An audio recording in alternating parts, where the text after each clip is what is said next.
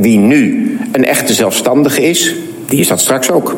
En wie straks geen echte zelfstandige blijkt, is nu ook niet. Ja, wil de echte ZZP'er opstaan? Staatssecretaris Wiebes maakt een einde aan de VAR. Dat is zo goed als zeker. Maar het gaat nog wel even duren. Willem Overbos is van De Zaak, een kennisnetwerk voor ondernemers. Hartelijk welkom. Goedemiddag. Voordat wij gaan praten over die VAR en de vervanging van de VAR. Jij vroeg mij, uh, ja, jij bent ook freelancer, volg je het een beetje? Nou ja, goed, voor mijn werk. Maar voor de rest heb ik al zoveel berichten over die VAR voorbij zien komen... dat ik denk, ja, het zal wel. Hebben meer mensen dat? Ja, we merken dat aan de ene kant de vragen wel binnenkomen, maar dat is met name nog oriënterend. Wat is er aan de hand? Uh, waar moet ik me op voorbereiden? Moet ik zelf maatregelen nemen? Dus je leest het in de media veel. Het FD staat er ook mm weer vol van. Maar tegelijkertijd ja, zijn er nog heel veel vragen. De wet is er ook nog niet officieel. Nee. Dus uh, heel veel berichten, maar dan is het wel eens lastig om goed te snappen wat er nou precies gebeurt. Daar ga jij voor zorgen, voor die duidelijkheid. De VAR zou eigenlijk 1 april gaan verdwijnen. Dat wordt dan 1 mei. En het eerste jaar wordt een zogenaamd overgangsjaar. Is dat handig en nodig? Dat is een coulanceregeling. Ik denk dat het he, onderdeel is van het, uh, de lobby die gevoerd is hier her en der, dat er een overgangsregeling is. En tegelijkertijd geeft het natuurlijk werkgevers die met zelfstandigen werken en andersom de zelfstandigen die opdrachten uitvoeren, wel even de tijd om alle contracten aan te passen naar de nieuwe manier van werken. Ja, voor, voor wie gaat er iets veranderen? Voor beide partijen, voor zowel opdrachtgever als opdrachtnemer, uh, gaat er daadwerkelijk iets veranderen. De VAR-verklaring die je tot nu toe als zelfstandige kon aanvragen bij de Belastingdienst, uh, kun je tot 1 mei, hè, dat deze wet van kracht nog steeds aanvragen. En onder die voorwaarden kun je werken. Was ook een soort van mijnenveld. Ja, precies. Dus welke zekerheid had je daar nou mee? Nou, als dat je één vinkje verkeerd had, dan kreeg je hem niet. En dan nee, moest je liegen van je account en dan kreeg je hem wel. En inderdaad, dat is nou net precies waar het om gaat. Hè. Is het schijn, schijnwerk, hè, schijnloondienstverband of niet? En dat is nou juist ook volgens mij wat de nieuwe wet beoogt. Is duidelijkheid verschaffen in ben je nou ondernemer of ben je het niet. Nou, voor zover dat kan met een wet. Is er nu voor gekozen om beide partijen verantwoordelijk te, uh, te stellen. Dus jij als opdrachtnemer en ik bijvoorbeeld als opdrachtgever uh, vanuit mijn eigen bedrijf. Um, en je gaat werken met modelovereenkomsten die door de Belastingdienst zijn goedgekeurd. Ja, nou, en moet je altijd werken met die modelovereenkomsten? Want ik, ik heb geen enkele overeenkomst. Nou, ik zou dan wel het komende jaar gebruiken, Marijke, om daar eens aan te gaan werken. Dus tip wordt, van Jip, ja. Het is een tip. Aan de ene kant is het ook belangrijk, omdat vanuit de, de opdrachtgever, uh, ja, die zullen moeten kunnen aantonen dat jij niet in loondienst bent. Mm -hmm. En die modelovereenkomst die is opgesteld, en er zijn de generieke modelovereenkomsten en hè, speciale voor bijvoorbeeld de bouw. Maar wat staat er precies in dan? Er staan een aantal artikelen in bepaald die uh, feitelijk duidelijkheid geven over, en ik zal, zal ik hem eens voorlezen. Ja, ik heb er eentje gedownload van de Belastingdienst, dat maakt het wel praktisch. Het is een overeenkomst van opdracht en die gaat dus die VAR vervangen. En daar staat uh, vooral bij artikel 2 de uitvoering van die opdracht. Opdrachtnemer accepteert de opdracht en aanvaardt daarmee de volle verantwoordelijkheid voor het juiste wijze uitvoeren van de overeengekomen werkzaamheden. Nou, dat betekent dat jij als opdrachtnemer daadwerkelijk ook alles, alle ja, verantwoordelijkheid op je neemt. En dat er geen sprake is van een arbeidsrelatie. Maar wat betekent dit voor bijvoorbeeld timmermannen? Want ik las ook een kop, ja, die moeten zo straks hun eigen gereedschap meenemen. En als ze dat een dag niet doen, hebben ze meteen een probleem. Kun jij uitleggen wat ze bedoelen met die kop? Nou, meteen een probleem. Ik geloof dat Stichting ZZP Nederland, ja. die heeft die modelovereenkomst helpen opstellen met de Belastingdienst. En die hebben daarin vastgesteld dat de zelfstandige timmerman, die zal wel zijn eigen spullen moeten meenemen. Want als alles aan hem wordt gefaciliteerd door een, door een opdrachtgever, dan zou je wellicht een verdenking van loondienstverband kunnen hebben. Dus die hebben ja, in dat artikel opgenomen dat je zelf je spulletjes moet meenemen.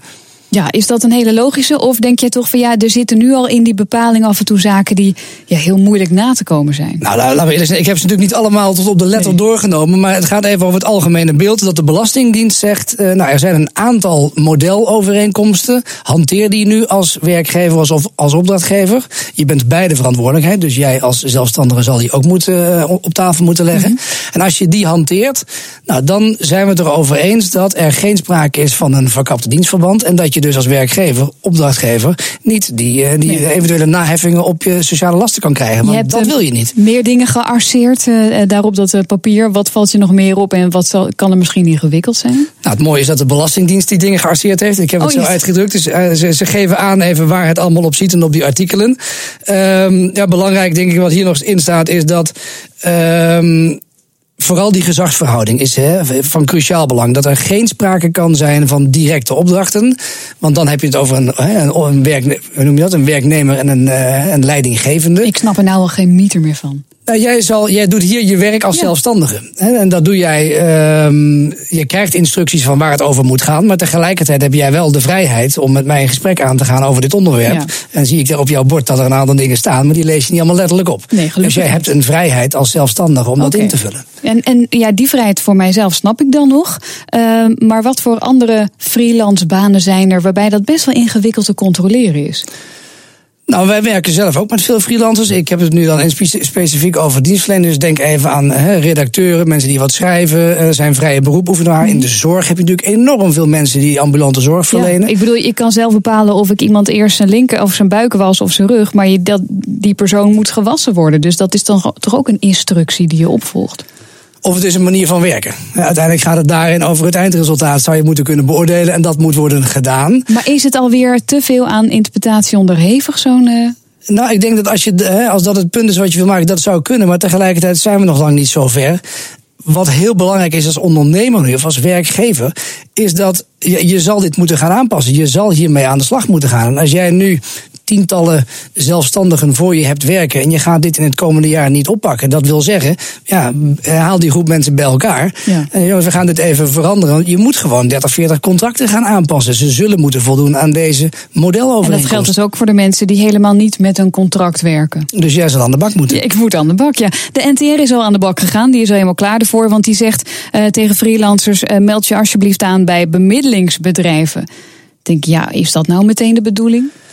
Het is wel slim. Hè? Want ze, wat ze feitelijk doen is ze besteden uh, dat werk waar we het zojuist over hadden uit. Ja, maar het, is, uh, het komt op mijn rekening. Want ik betaal zoveel procent uh, fee aan zo'n bemiddelingsbedrijf. Nou, in principe betaalt de opdrachtgever een fee. En jij als zelfstandige kan ook diensten afnemen van zo'n bemiddelaar.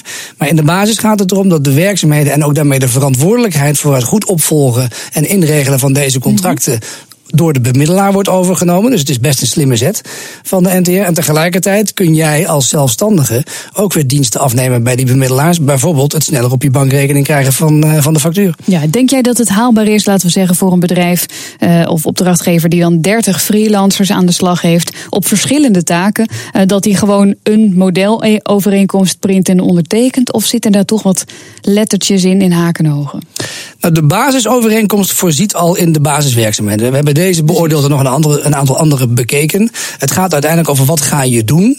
Nou, dat is goed genoeg. Wil je daar nou zelf een aantal dingen aan toevoegen? Want daar vraag je specifiek mm -hmm. naar. Bijvoorbeeld, hoe ga je om met intellectueel eigendom als ja. jij stukken schrijft voor de een? Of je, hebt, uh, je hebt iets gebouwd en uh, van wie is dat nou eigenlijk? Nou, als je die dingen additioneel wil vastleggen in zo'n overeenkomst, laat hem dan toetsen door de Belastingdienst. Zodat zij kunnen accorderen dat he, je handelt ja. naar de intentie van die modelovereenkomst. Heb jij het idee dat Nederlandse werknemers hier beter van worden? Werknemers hier beter ja. van worden. Nou, nou, ja, in die zin dus zowel freelance werknemers. Want het, het commentaar is dan: hè, mensen krijgen, krijgen maar geen contract, blijven een soort freelance uh, ding houden. En uh, door middel hiervan kan de Belastingdienst kijken of dat niet gewoon verkapt dienstverband is. Uh, maar er is ook een grote groep die daar weer over klaagt. Van ja, mag ik alsjeblieft zelf weten wat ik doe? Nou ja, en dat is tegelijkertijd een trend. De cijfers van het CBS zijn net uitgekomen. Ja. 400.000 mensen, dat is een stijging van, ik geloof van 6%, zijn nu zelfstandig, maar parttime zelfstandig. Dat wil zeggen dat ze 15 uur of minder werken als zelfstandigen. En die zijn in loondienst. Nou, tegelijkertijd is het wel een leuke groep die uh, wellicht het zelfstandig ondernemerschap fulltime aan het mm. overwegen is. Gebruik maakt van een stukje zekerheid uh, bij een werkgever. En langzaam die stap maakt naar het ondernemerschap. Nou, kan ik alleen maar toejuichen. Dat is ja, mooi. Precies. Maar die freelancers die juist het fijn vinden om vier dagen in de week voor één opdrachtgever te werken. Nog een dag erbij voor iemand anders. Die misschien wellicht in de problemen komen. Horen jullie daar veel klachten van?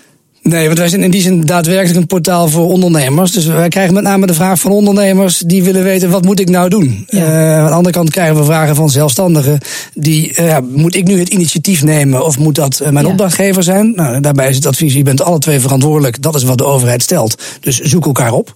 En kun je nog gaan bakkeleien over de verschillende uh, modellen? Want als er meerdere zijn, ja, misschien heeft de ene voorkeur voor die en de ander voor, uh, voor uh, exemplaar B. Gelukkig zijn er nu niet heel veel. Dat scheelt al. er zullen er nog wel meer komen. Ik geloof dat er nu in totaal maar iets van tien zijn. er zijn heel veel bonden en hè, vertegenwoordigers van, van zowel werk, hè, werkgevers mhm. en zelfstandigen die daaraan hebben meegewerkt. Is het daarmee sluitend en waterdicht? Ik heb, nee, dat denk ik niet. maar er is natuurlijk wel over nagedacht. En je kan zelf dus dingen aanpassen. Dus die vrijheid die heb je. Het gaat maar eigenlijk om één ding. Is het schijn, dienstverband of niet? en dat wil je uitsluiten. Goed blijven opletten op wat je baas, werkgever, zo moet ik even zeggen, erbij zet wellicht. Want uh, ook die heeft natuurlijk Laat de vrijheid. Toetsen. Laat het gewoon even juridisch toetsen. Oké, dat is een goede tip nog tot slot. Dankjewel Willem Overbos van de zaak.